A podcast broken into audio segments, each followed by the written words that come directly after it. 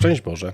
Z tej strony ojciec Benedykt Malewski, dominikanin. Bardzo serdecznie Was witam w kolejnej części e, tej formacji online od upadku do spotkania, formacji ze świętym Pawłem. Dzisiaj przechodzimy do kolejnego tematu związanego z życiem świętego Pawła, mianowicie tematu usprawiedliwienia. W imię Ojca i Syna i Ducha Świętego. Amen. Dobry Boże, proszę Cię, prowadź nas uczestniczących w tej formacji online. Pozwól nam, Panie, doświadczać Twojej miłości do człowieka, Twojego wyzwolenia. Ty jesteś Bogiem, który jest wierny sam sobie, który chce nas usprawiedliwiać, który chce nas wydobywać z naszej nędzy, który jest w stanie zapłacić każdą cenę po to, żeby nas wykupić z niewoli, który dokonuje za nas pomsty.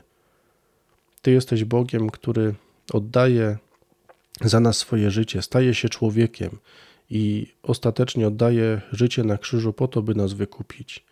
Pozwól nam, Panie, naszym sercom bardzo mocno doświadczyć tej prawdy.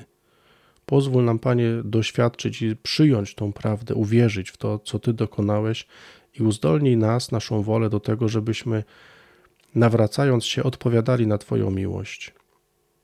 Chwała Ojcu i Synowi, Duchowi Świętemu, jak była na początku, teraz i zawsze, i na wieki wieków. Amen. To jest e, jeden z najważniejszych tematów, który święty Paweł porusza w swoim nauczaniu, w swojej drodze, i to jest temat, który też bardzo mocno wpłynął na jego postrzeganie swojego życia i jego samego. Częściowo ten temat zaczęliśmy, zacząłem opowiadać, omawiać w poprzednim podcaście, w poprzedniej katechezie o świętej Pawle, kiedy mówiłem o grzechu e, i ten temat e, właśnie usprawiedliwienia jest nierozłącznie związany z tamtym, bo jesteśmy usprawiedliwieni właśnie przez Pana z powodu grzechu. To z grzechu Pan nas usprawiedliwia. Ale zacznijmy od czegoś innego. Jako wszyscy ludzie, wydaje się, mamy taką pokusę, mamy taką tendencję, e, ogromną potrzebę pewnego e, wykupienia e, swoich win. Czegoś, coś na nas ciąży, coś złego narobiliśmy i chcemy to w jakiś sposób naprawić. I to jest w ogóle bardzo piękna cecha. To jest bardzo dobre, że tak mamy. To też pokazuje, że mamy w sobie jakąś taką wrażliwość na zło, wiemy, że kogoś skrzywdziliśmy i chcemy to mu jakoś wynagrodzić, jakoś zadośćuczynić temu złu, które z naszej strony mm, się dokonało. Ale też w tym niestety może być i niestety nierzadko jest, bardzo często wręcz jest ukryte takie pragnienie e, usprawiedliwienia samego siebie. Jakby takiego, no po prostu potrzebujemy tego, żeby ktoś z nas zdjął jakiś ciężar odpowiedzialności za coś. Nie? Myślę, że bardzo mocno to widzimy, kiedy idziemy do spowiedzi, prawda, i zaczynamy tłumaczyć e, spowiednikowi E, to, że ok, coś tam zrobiliśmy, no ale były takie, a nie inne okoliczności i tak dalej. Bardzo potrzebujemy właśnie takiego oczyszczenia z tego. I teraz pokusa, która w tym wszystkim e, jest bardzo niebezpieczna, to zobaczcie, e, w tym jest też jakieś takie ukryte mm, dążenie do pewnej autonomii względem Pana Boga. Nie? Bo jeżeli ja chcę się przed Panem Bogiem usprawiedliwić sam własnymi siłami, to chcę to zrobić trochę bez Niego. Chcę Pana Boga w tym pominąć, jakby pokazać, że ja jestem w stanie sam się wykupić. No i problem jest w tym, że niestety nie jestem w stanie. Absolutnie nie jestem w stanie się wykupić sam ze swoich grzechów. Bardzo mnie kiedyś uderzyło takie mm, odkrycie, jak e, czytamy czytamy Księgę Rodzaju, czytamy historię Kaina i Abla e, i tam jest ten moment zabójstwa e, Abla i Pan Bóg przychodzi do Kaina i mówi, e, pyta go na początku, co się stało z jego bratem i mówi mu, Pan mówi Kainowi, że krwie twego brata wołają o pomstę. Tam jest, no wiadomo, u nas w języku polskim ciecz jest niepoliczalna, więc mówimy krew, a tam jest jakby tak w liczbie mnogiej, krwie. Tego nie rozumiałem, dlaczego tak jest. Ano jest tak dlatego, że kiedy Kain zabił Abla, to zabił nie tylko Abla, ale jego wszystkich potencjalnych potomków. Więc zobaczcie, że jakby to jest strasznie mocno jest pokazane to, że konsekwencje tego zła, tego grzechu, które tam, który tam się dokonał, konsekwencje są tak straszliwe, że już, już samego jednego, nie wiem, zabójstwa jednego człowieka się nie da zadośćuczynić, nie? To jest niemożliwe. A tam to jest jakby tak no, zwielokrotnione. To, to, to, to nie tylko jeden człowiek, ale przez to, że już Abel nie żyje, to nie żyją wszyscy ci, którzy dzięki niemu potencjalnie mogliby się narodzić, którzy mogliby się począć. Jest bardzo mocno Słowo Boże tak to uwypukla. Inny taki bardzo mocny dla mnie moment też, kiedy się zastanawiałem, dlaczego e, w księdze wyjścia jest napisane właśnie, kiedy Izraelici mają wychodzić z Egiptu, e, to właśnie na początku jest właśnie ta historia z aniołem, który przechodzi i zabije wszystko to, co jest pierworodne. E, no i żeby pominąć domostwa Izraelitów, no to oni właśnie mają na cześć Pana E, złożyć ofiarę z baranka, baranka spożyć, a krwią tego baranka właśnie skropić mm, odrzwia swoich domów. Nie? I wtedy ten anioł e, śmierci, który przejdzie, pominie ich domostwa. I bardzo tak się zastanawiałem nad tym, dlaczego mm, w ogóle, po co cała ta procedura. Czy nie mogłoby być tak, że po prostu ten anioł pomija od razu wszystkich Izraelitów? No przecież Wiadomo, tutaj podział jest jasny. Okupantem, czyli oprawcą, e, no trudno mówić o okupantach, no bo Egipcjanie byli u siebie, ale e, oprawcą są Egipcjanie, ofiarami są Izraelici, którzy są niewolnikami u Egipcjan. Więc jasne jest, kto jest dobry, a kto jest zły. Więc po co cała ta procedura kropienia tych odrzwi właśnie krwią z tego baranka? A no właśnie okazuje się, że nikt nie jest czysty. Okej, okay, tutaj Izraelici są krzywdzeni przez Egipcjan, ale sami siebie też krzywdzą. Sami sobie też zadają ból. To nie jest tak, że oni nie są grzesznikami. Oni potrzebują też usprawiedliwienia. Każdy z nas ma na sobie jakiś grzech, każdy z nas ma na sobie jakieś zło. Każdy z nas potrzebuje właśnie usprawiedliwienia i co więcej, choćbyśmy się nie wiem jak starali, to nie jesteśmy w stanie tego dokonać o własnych siłach. I to jest chyba największe takie złudzenie, które, któremu często ulegamy, bo próbujemy siebie usprawiedliwić, a my nie jesteśmy w stanie tego zrobić. Psalm 49 mówi właśnie o tym tak bardzo wprost. Słuchajcie tego wszystkie narody, nakłójcie, nakłoncie uszu wszyscy, co świat zamieszkujecie. Wy, niscy pochodzeniem, tak samo jak możni, bogaty na równi z ubogim. Moje usta wypowiedzą mądrość, a rozmyślanie mego serca roztropność. Nakłonie mego ucha ku przypowieści, przy dźwięku liry wyjaśnię mą zagadkę.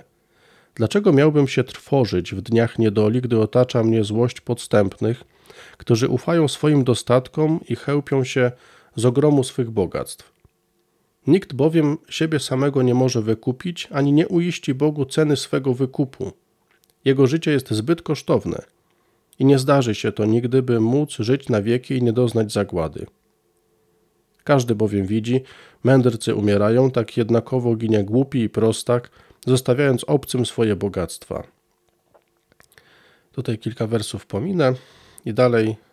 Lecz Bóg wyzwoli moją duszę z mocy Szeolu, bo mię zabierze. Nie obawiaj się, jeśli ktoś się wzbogaci, jeżeli wzrośnie zamożność jego domu, bo kiedy umrze, nic z sobą nie weźmie, a jego zamożność nie pójdzie za nim.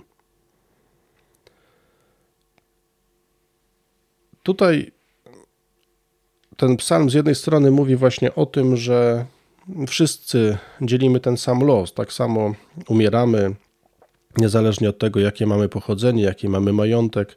Wszystkich nas dotyka dokładnie to samo prawo, prawo życia ale jednocześnie ten psalm mówi o tym, że my nie mamy absolutnie w sobie żadnej mocy, żeby zapłacić e, cenę za swoje życie. Nie mamy takiej możliwości. Tylko Pan ma taką możliwość i tylko w nim możemy pokładać ufność. Nikt nie jest w stanie zapłacić tej ceny. Zobaczcie, e, to, że człowiek, właśnie kiedy ginie Abel, Kain zabija Abla, i ten człowiek ginąc, jakby jednocześnie już razem z nim, z tym człowiekiem, z Ablem ginie no, mm, ogromna część ludzkości, nie? Wszyscy potencjalnie jego potomkowie, no to, to nikt nie jest w stanie zapłacić za to ceny, tylko Bóg, który stworzył ten świat. Absolutnie nikt nie jest w stanie w to wejść. I już w Starym Testamencie Słowo Boże właśnie mówi o tym, że musimy być wykupieni. W poprzedniej katechezie mówiłem o Goelu. E, Chrystus jest właśnie Goelem. Tak krótko tylko przypomnę, że Goel to była osoba, to był najbliższy krewny, e, który miał trzy zadania. Pierwsze zadanie to było właśnie pomszczenie jakiejś krzywdy. Nie? Ktoś z jego bliskich został skrzywdzony, na przykład zabity, no to zadaniem Goela było dokonanie zemsty, pomścić właśnie swoich bliskich. Drugim zadaniem Goela no to było e, zaopiekować się wdową po swoim bracie i wzbudzić ewentualnie potomstwo swojemu bratu. No i e, trzecie zadanie Goela to było wykupić tych, którzy wpadli w niewolę, najbliższych. No i teraz Słowo Boże mówi o tym od samego początku, że to może zrobić tylko Pan. W księdze proroka Izajasza mamy taki piękny e, fragment w 35 rozdziale. Niech się rozweselą pustynia i spieczona ziemia, niech się raduje step i niech rozkwitnie. Niech wyda kwiaty jak lilie polne, niech się rozraduje skacząc i wykrzykując z uciechy. Chwałą Libanu ją obdarzono, ozdobą Karmelu i Szaronu. Oni zobaczą chwałę Pana, wspaniałość naszego Boga. Pokrzepcie ręce osłabłe, wzmocnijcie kolana omdlałe. Powiedzcie małodusznym, odwagi nie bójcie się, oto wasz Bóg, oto pomsta, przychodzi Boża odpłata. On sam przychodzi, by was zbawić. Wtedy przejrzą oczy niewidomych i uszy głuchych się otworzą.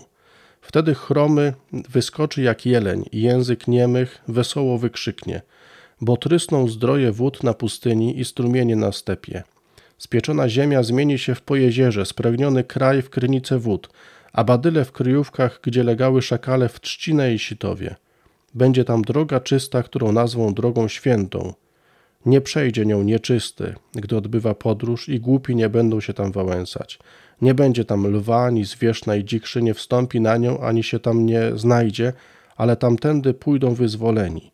Odkupieni przez Pana powrócą, przybędą na Syjon z radosnym śpiewem, ze szczęściem wiecznym na czołach osiągną radość i szczęście, ustąpi smutek i wzdychanie.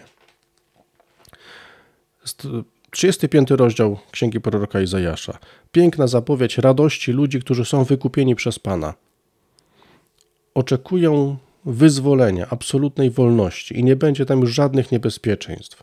W 43 rozdziale e, Księgi Proroka Izajasza jest też taki piękny moment, bo tutaj mówimy wprost o pomście, o wyzwoleniu.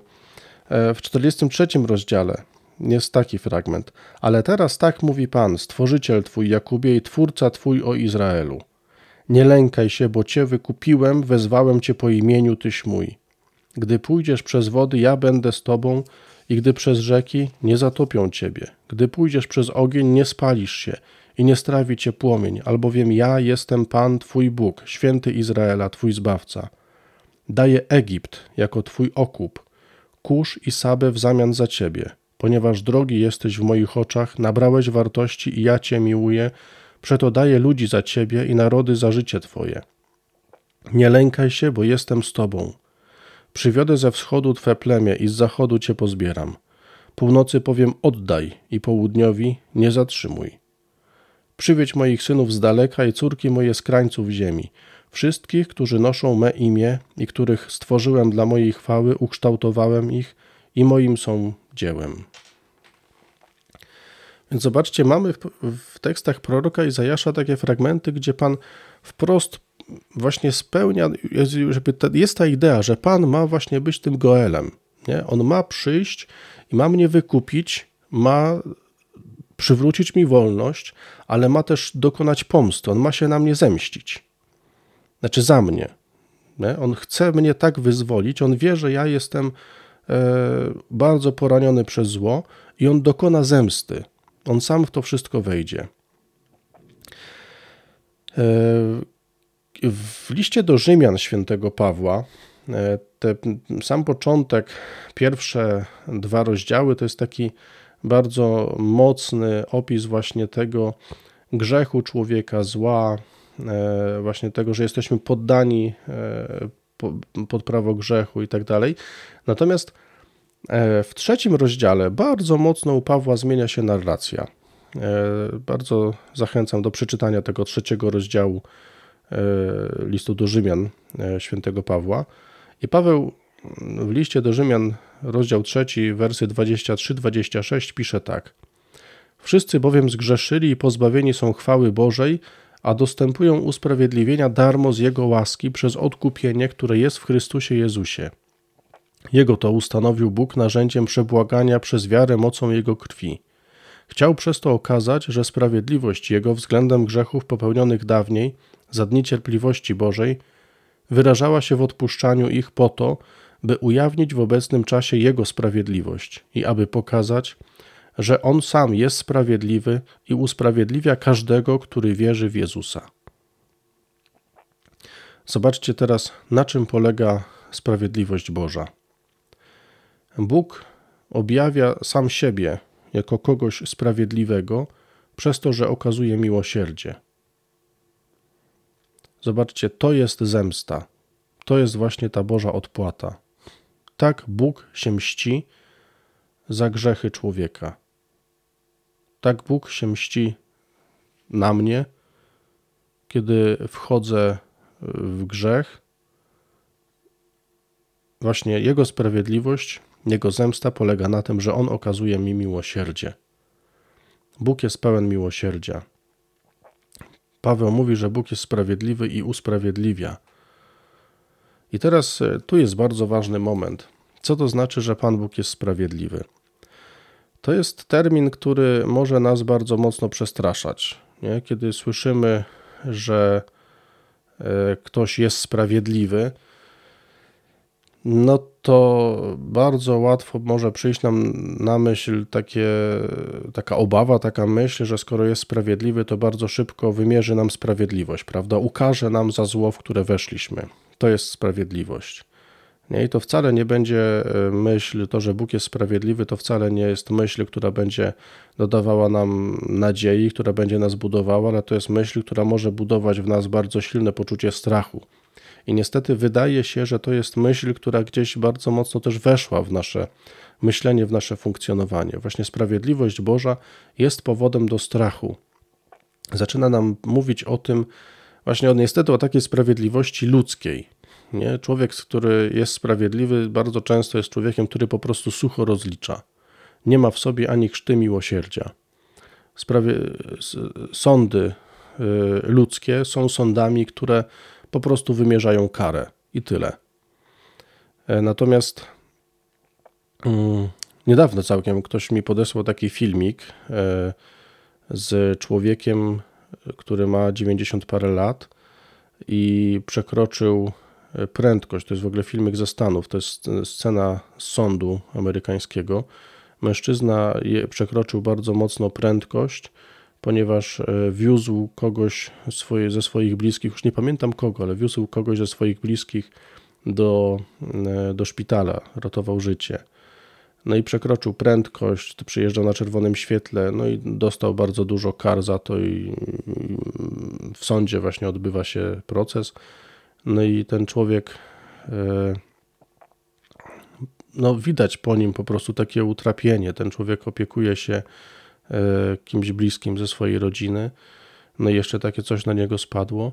Ten sędzia, e, który patrzył na tego człowieka, no widać było, że był bardzo głęboko poruszony i taki wzruszony wręcz mm, i nie wymierzył mu żadnej kary, pomimo, temu, pomimo tego, że ten człowiek, ten, ten, ten staruszek bardzo dużo przepisów połamał ale powiedział, no właśnie na takich obywatelach opiera się ten kraj. I, i, I, go publicznie pochwalił właśnie za to, że on był zdolny do takiego poświęcenia, ryzyka po to, żeby ratować swoich bliskich. No ale to są sytuacje, które się strasznie rzadko zdarzają. To jest coś niebywałego. To jest ten, ten filmik na YouTubie gdzieś tam teraz robi furorę, ale no nie jest to na pewno coś e, powszechnego. Nie? Bardzo łatwo przychodzi nam rozliczać drugiego człowieka za jego błędy, za jego porażki, a trudno jest nam przyjść i popatrzeć z miłosierdziem na to, że ten człowiek coś też na sobie niesie. I właśnie tak to przekazujemy też, jakby przekładamy na Pana Boga.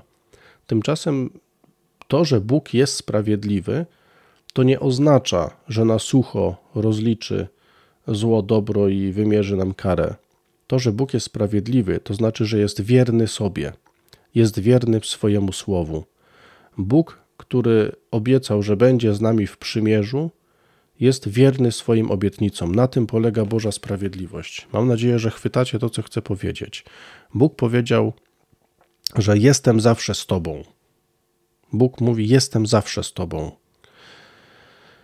Po ludzku zobaczcie, kiedy zawieram z kimś przymierze i druga strona złamie te przymierze, no to ja też jestem wolny, już jestem zwolniony z mojego przymierza.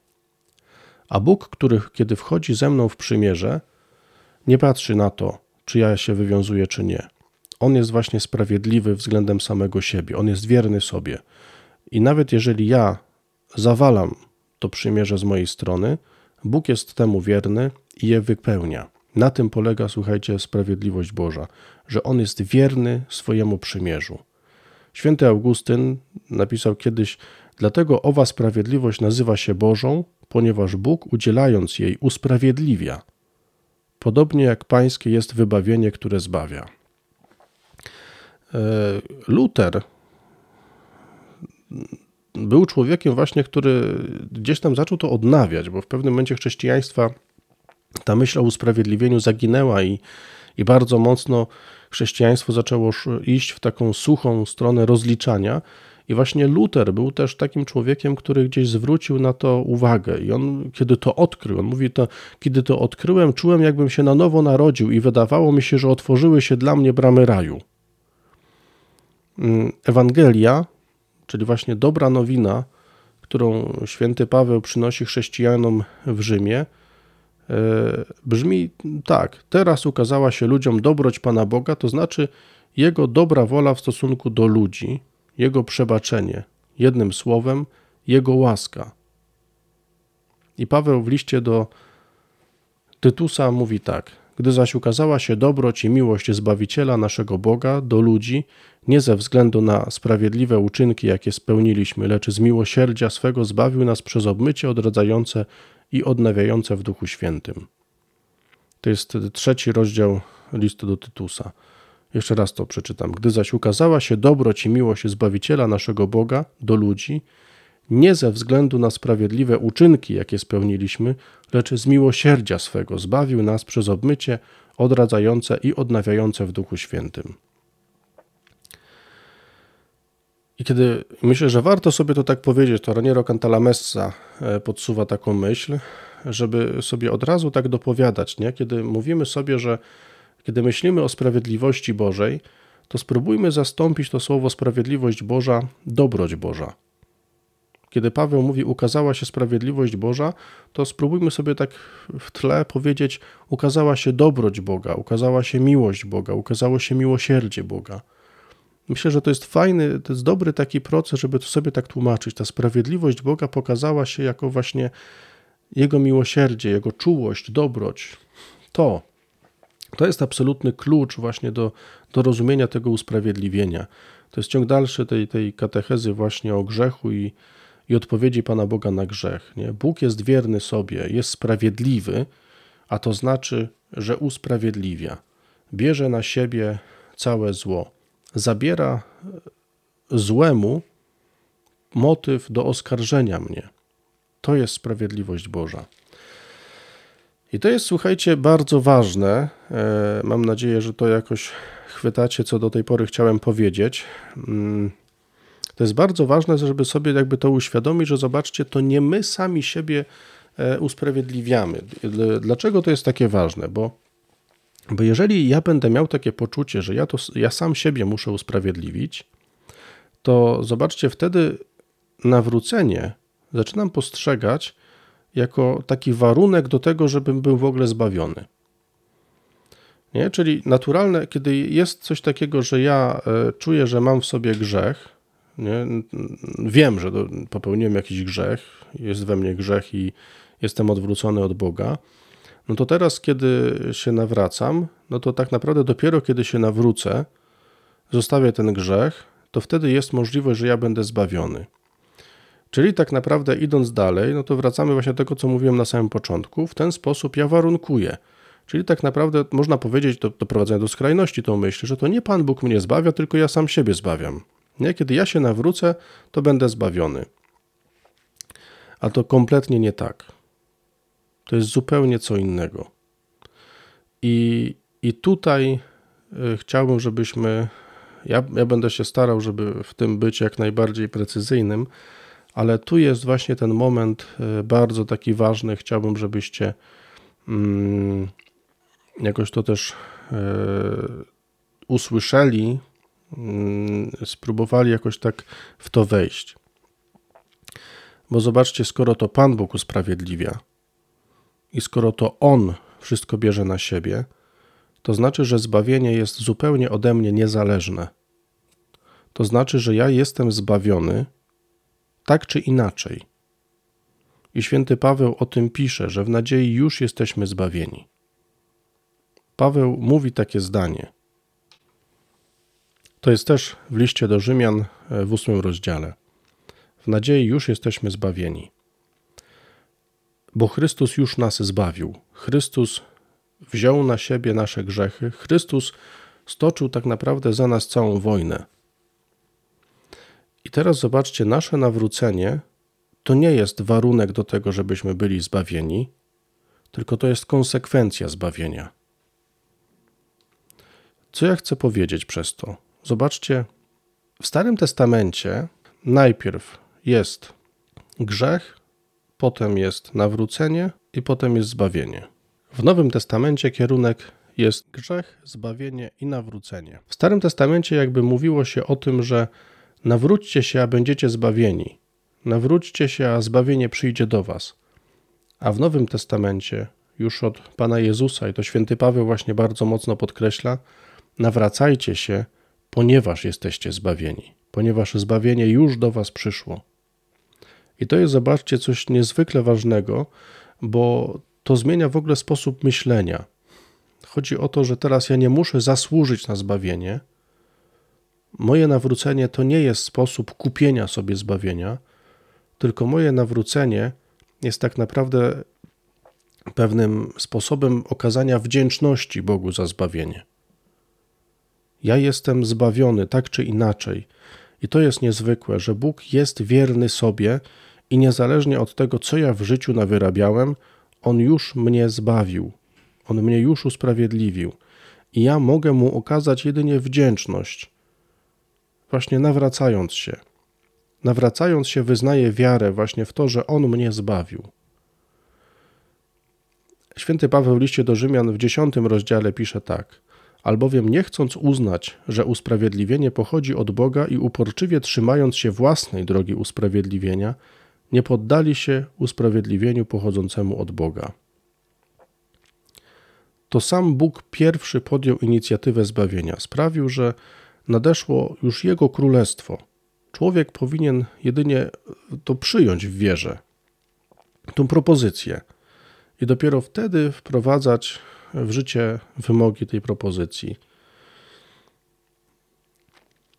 To jest trochę no właśnie, Pan, Pan Jezus daje nawet taką, e, taki przykład. Nie? Generalnie jest uczta, to jest trochę na takiej zasadzie właśnie, że jest uczta, wszystko jest gotowe i Pan otwiera tylko drzwi i mówi zapraszam, wejdźcie.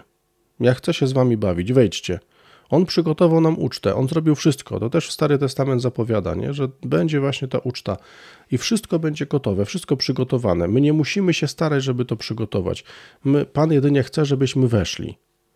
I właśnie to przyjęcie, to nawrócenie, to jest właśnie przyjęcie tych warunków, tych wymogów. Ja, ja wchodzę, przyjmuję nawrócenie, więc zmieniam swój styl życia, przygotowuję się, właśnie ubieram się w tą szatę, bo chcę tam wejść. W Starym Testamencie, jeszcze przed nadejściem Pana Jezusa, nawrócenie pojmowano jako powrót do złamanego przymierza. Bóg zawarł z człowiekiem przymierze i przez grzech człowiek niszczy to przymierze, i teraz nawrócenie polega na tym, że ja odwracam się, jakby zawracam do drogi, znaczy ze starej drogi yy, i wracam do, do tego, co było, wracam do tego przymierza. I to jest właśnie warunek tego, żeby być zbawionym. Natomiast od Pana Jezusa jest zupełnie odwrotnie. Pan Jezus mówi: Nie odwracaj się, po prostu idź dalej, idź ku przyszłości, bo idź, nie wracaj do starego przymierza, ale idź już do nowego przymierza. Nawró- nawrócenie właśnie nie oznacza powrotu do tego, co było, do zachowywania prawa, ale właśnie oznacza taki krok do przodu, wejść w nowe przymierze, przyjmij królestwo. Przyjmij królestwo, które przyszło właśnie dokładnie po to, aby do niego wejść poprzez wiarę. Kiedy Pan Jezus mówi właśnie nawracajcie się i wierzcie, to nie oznacza e, jakichś dwóch czynności, to jest jedna czynność. Nawróć się i wierz. Uwierz, że, yy, że jesteś zbawiony i nawracaj się wierząc. Nawrócenie i zbawienie tylko zamieniły się właśnie miejscami, to co mówiłem. Nie? Że wcześniej było grzech, nawrócenie, zbawienie, a od Pana Jezusa jest właśnie grzech, zbawienie, nawrócenie. Najpierw przychodzi działanie Pana Boga. Nie? Bóg mnie odkupił, Bóg stał się człowiekiem, mnie odkupił po to, żebym ja mógł żyć. Ja teraz mogę to przyjąć we wdzięczności. To mnie osobiście jakoś tak bardzo porusza, że dla mnie, że to jest jakaś taka właśnie nawrócenie jest jakimś takim gestem wdzięczności wobec Pana Boga. Myślę, że warto e, na to w taki sposób spojrzeć, że to ja mogę mu w ten sposób powiedzieć: Boże, dziękuję Ci. Ja chcę tak żyć. Ja, nie, zobaczcie, że kiedy kogoś kochamy bardzo mocno, tak w naszym życiu, mamy kogoś bardzo bliskiego i, i widzimy, że ta osoba, widzimy, że nasze zachowanie wobec tej osoby jest nie w porządku, ale widzimy też, że ta osoba nas kocha, no to zobaczcie, że ja wcale nie, jakby ja, ja chcę się zmieniać, nie? chcę się zmieniać dla dobra tego człowieka, ale nie dlatego, że chcę zasłużyć na miłość w ten sposób, bo tak też niestety może być, ale ja się zmieniam, dlatego że widzę, że jestem kochany tak czy inaczej i ja chcę, żeby ta osoba też przy mnie była szczęśliwa. Nie? Jakby to zupełnie inny kierunek. Czasem mogę żyć tak, zmieniać się, bo, bo ciągle żyję w poczuciu winy, że nie spełniam czyichś oczekiwań. Ale z Panem Bogiem tak nie jest. On przychodzi i zbawia mnie niezależnie od tego, jaki jestem i co ja o sobie myślę. I ja widzę tą Jego miłość, widzę tą Jego E, tą Jego wolę zbawienia mnie, Jego miłość po prostu do mnie, niezależnie od tego, co ja narobiłem, jest cały czas temu wierny. I ja widząc to, po prostu chcę się zmieniać, chcę się nawrócić, bo ja widzę, że w ten sposób mogę odwzajemnić tą miłość. Nie? Ja widzę, że też On będzie się z tego cieszył i chcę sprawić Mu radość. Nawracam się, bo chcę sprawić radość. Nikt z nas nie może wykupić samego siebie. To właśnie mówi ten Psalm 49. Święty Paweł w liście do Rzymian stawia takie pytanie: kto go pierwszy obdarował, aby nawzajem otrzymać odpłatę? Kto go, w sensie Pana Jezusa? No nikt. Jesteśmy wykupieni za darmo. I Pan Jezus to pokazuje, zobaczcie, przez przykład dziecka. No właśnie z dzieckiem jest tak. W Ewangelii według świętego Marka w dziesiątym rozdziale Pan Jezus mówi właśnie o dzieciach. Przynosili mu również dzieci, żeby ich dotknął, lecz uczniowie szorstko zabraniali im tego. A Jezus, widząc to, oburzył się i rzekł do nich: Pozwólcie dzieciom przychodzić do mnie, nie przeszkadzajcie im, do takich bowiem należy Królestwo Boże. Zaprawdę powiadam wam, kto nie przyjmie Królestwa Bożego jak dziecko, ten nie wejdzie do niego. I biorąc je w objęcia, kładł na nie ręce i błogosławił. To jest postawa, do jakiej zachęca nas Pan, kiedy zaczynamy się nawracać. On chce, żebyśmy po prostu przyjęli królestwo. Nie chce, żebyśmy się jakoś siłowali, żebyśmy próbowali o własnych siłach, własnymi zdolnościami, własnymi wysiłkami zdobyć nagrodę i siebie wykupić, siebie zbawić. On chce, żebyśmy przyjmowali to w darze. To jest jego pragnienie. W liście do Galatów, w pierwszym rozdziale, wersy od 10, Paweł pisze tak. A zatem teraz, czy zabiegam o względy ludzi, czy raczej Boga? Czy ludziom staram się przypodobać? Gdybym jeszcze teraz ludziom chciał się przypodobać, nie byłbym sługą Chrystusa. Oświadczam więc wam, bracia, że głoszona przeze mnie Ewangelia nie jest wymysłem ludzkim. Nie otrzymałem jej bowiem, ani nie nauczyłem się od jakiegoś człowieka, lecz objawił mi ją Jezus Chrystus. Słyszeliście przecież o moim postępowaniu ongiś, gdy jeszcze wyznawałem judaizm, jak z niezwykłą gorliwością zwalczałem Kościół Boży i usiłowałem go zniszczyć. Jak w żarliwości o judaizm przewyższałem wielu moich rówieśników z mego narodu, jak byłem szczególnie wielkim zapaleńcem w zachowywaniu tradycji moich przodków. Gdy jednak spodobało się temu, który wybrał mnie jeszcze w łonie matki mojej i spowołał łaską swoją, aby objawić syna swego we mnie, bym Ewangelię o nim głosił poganom, natychmiast, nie radząc się ciała i krwi, ani nie udając się do Jerozolimy, do tych, którzy apostołami stali się pierwej niż ja, skierowałem się do Arabii, a później znowu wróciłem do Damaszku.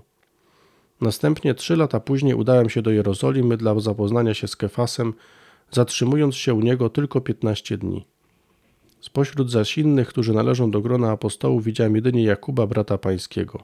Paweł bardzo mocno doświadcza właśnie tego, że został porwany przez Chrystusa. I on mówi o tym, że kiedy żył według prawa, był niesamowicie gorliwy. Kiedy wyznawał judaizm, z jaką gorliwością zwalczałem Kościół Boży i usiłowałem go zniszczyć. Jak w żarliwości o judaizm przewyższałem wielu moich rówieśników z mego narodu. Byłem szczególnie wielkim zapaleńcem w zachowywaniu tradycji moich przodków. Natomiast kiedy Pan go porwał, on doświadczył zbawienia, absolutnie zmieniło się jego życie i nie radząc się właśnie ciała i krwi, poszedłem zupełnie inną drogą.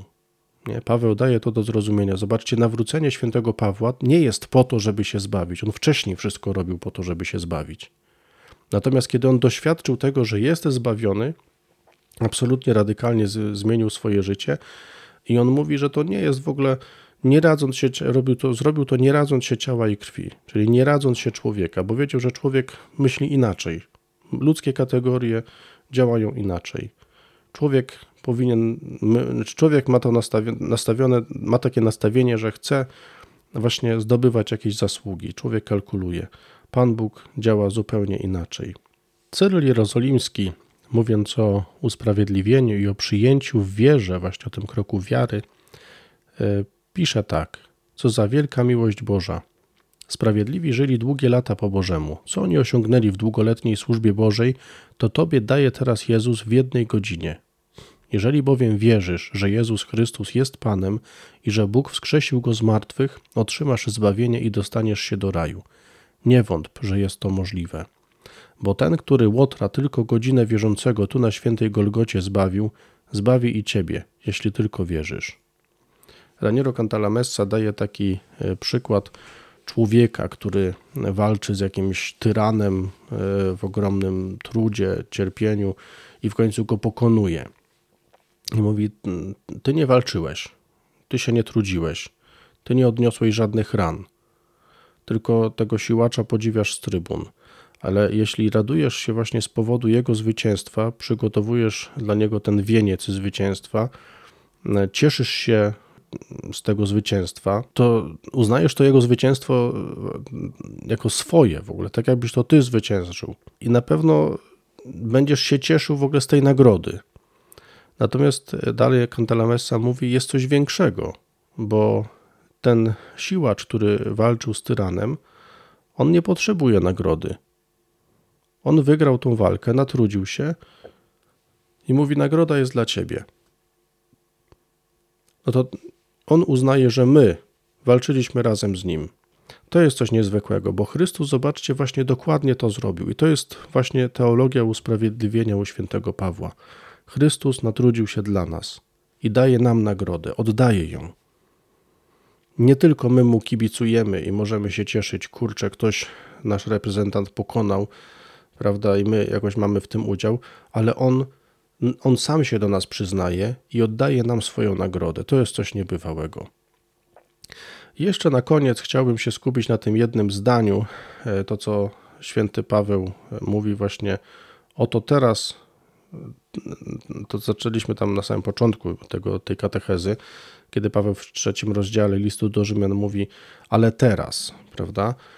W liście do Koryntian święty Paweł to jest drugi list do Koryntian, szósty rozdział, Paweł pisze, oto teraz czas upragniony, oto teraz dzień zbawienia. I to jest, myślę, bardzo ważne słowo, to co Paweł używa teraz. że słuchajcie, to zbawienie dokonuje się teraz.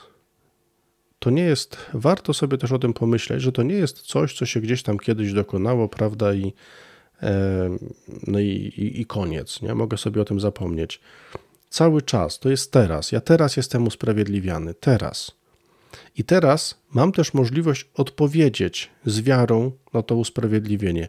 Teraz mam możliwość nawracania się.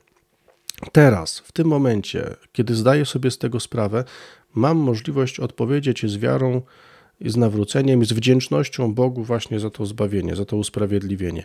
Teraz mogę Bogu podziękować za to, że mnie wykupił, że mnie odkupił, że, się, że dokonał pomsty na mnie za mój ból.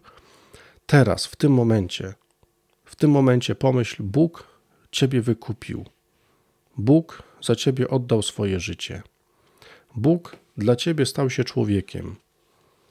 Bóg przyjmuje na siebie całe, całe cierpienie, cały trud. On dla Ciebie się trudził, On dla Ciebie walczył, On dla Ciebie zdobył ten wieniec zwycięstwa, zwycię... On dla Ciebie zdobywa Twoje życie.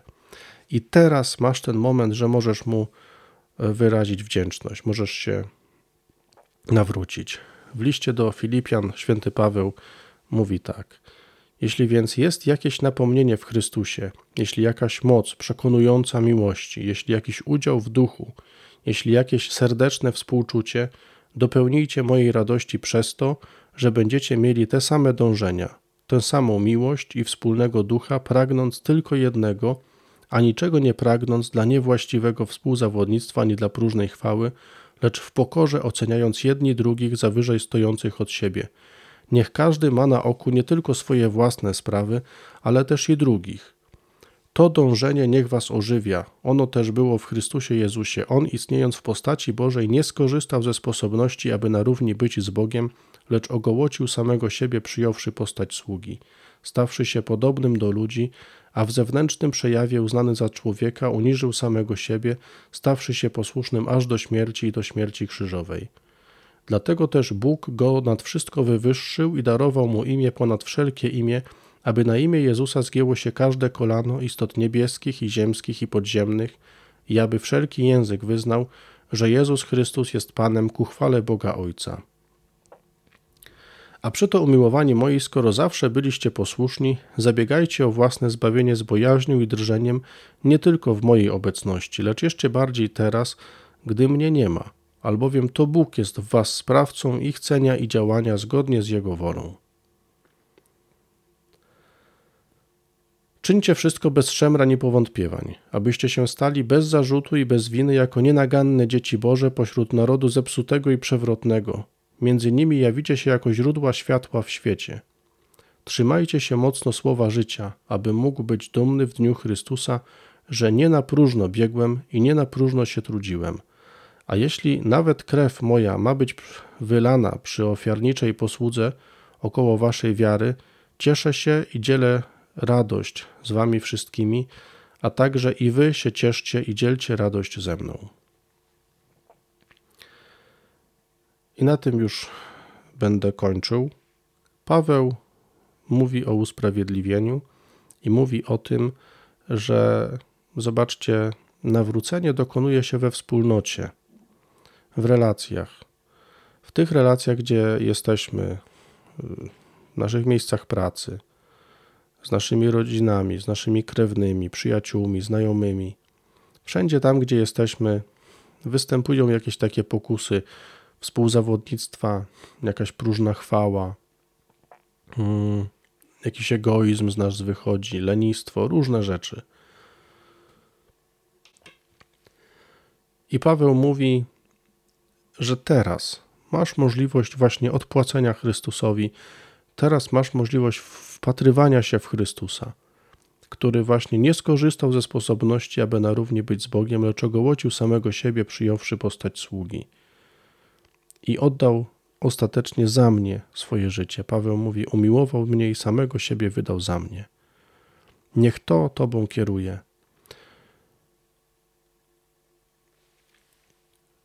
Dobry Boże, uwielbiam Cię w Twojej śmierci na krzyżu i w Twoim zmartwychwstaniu.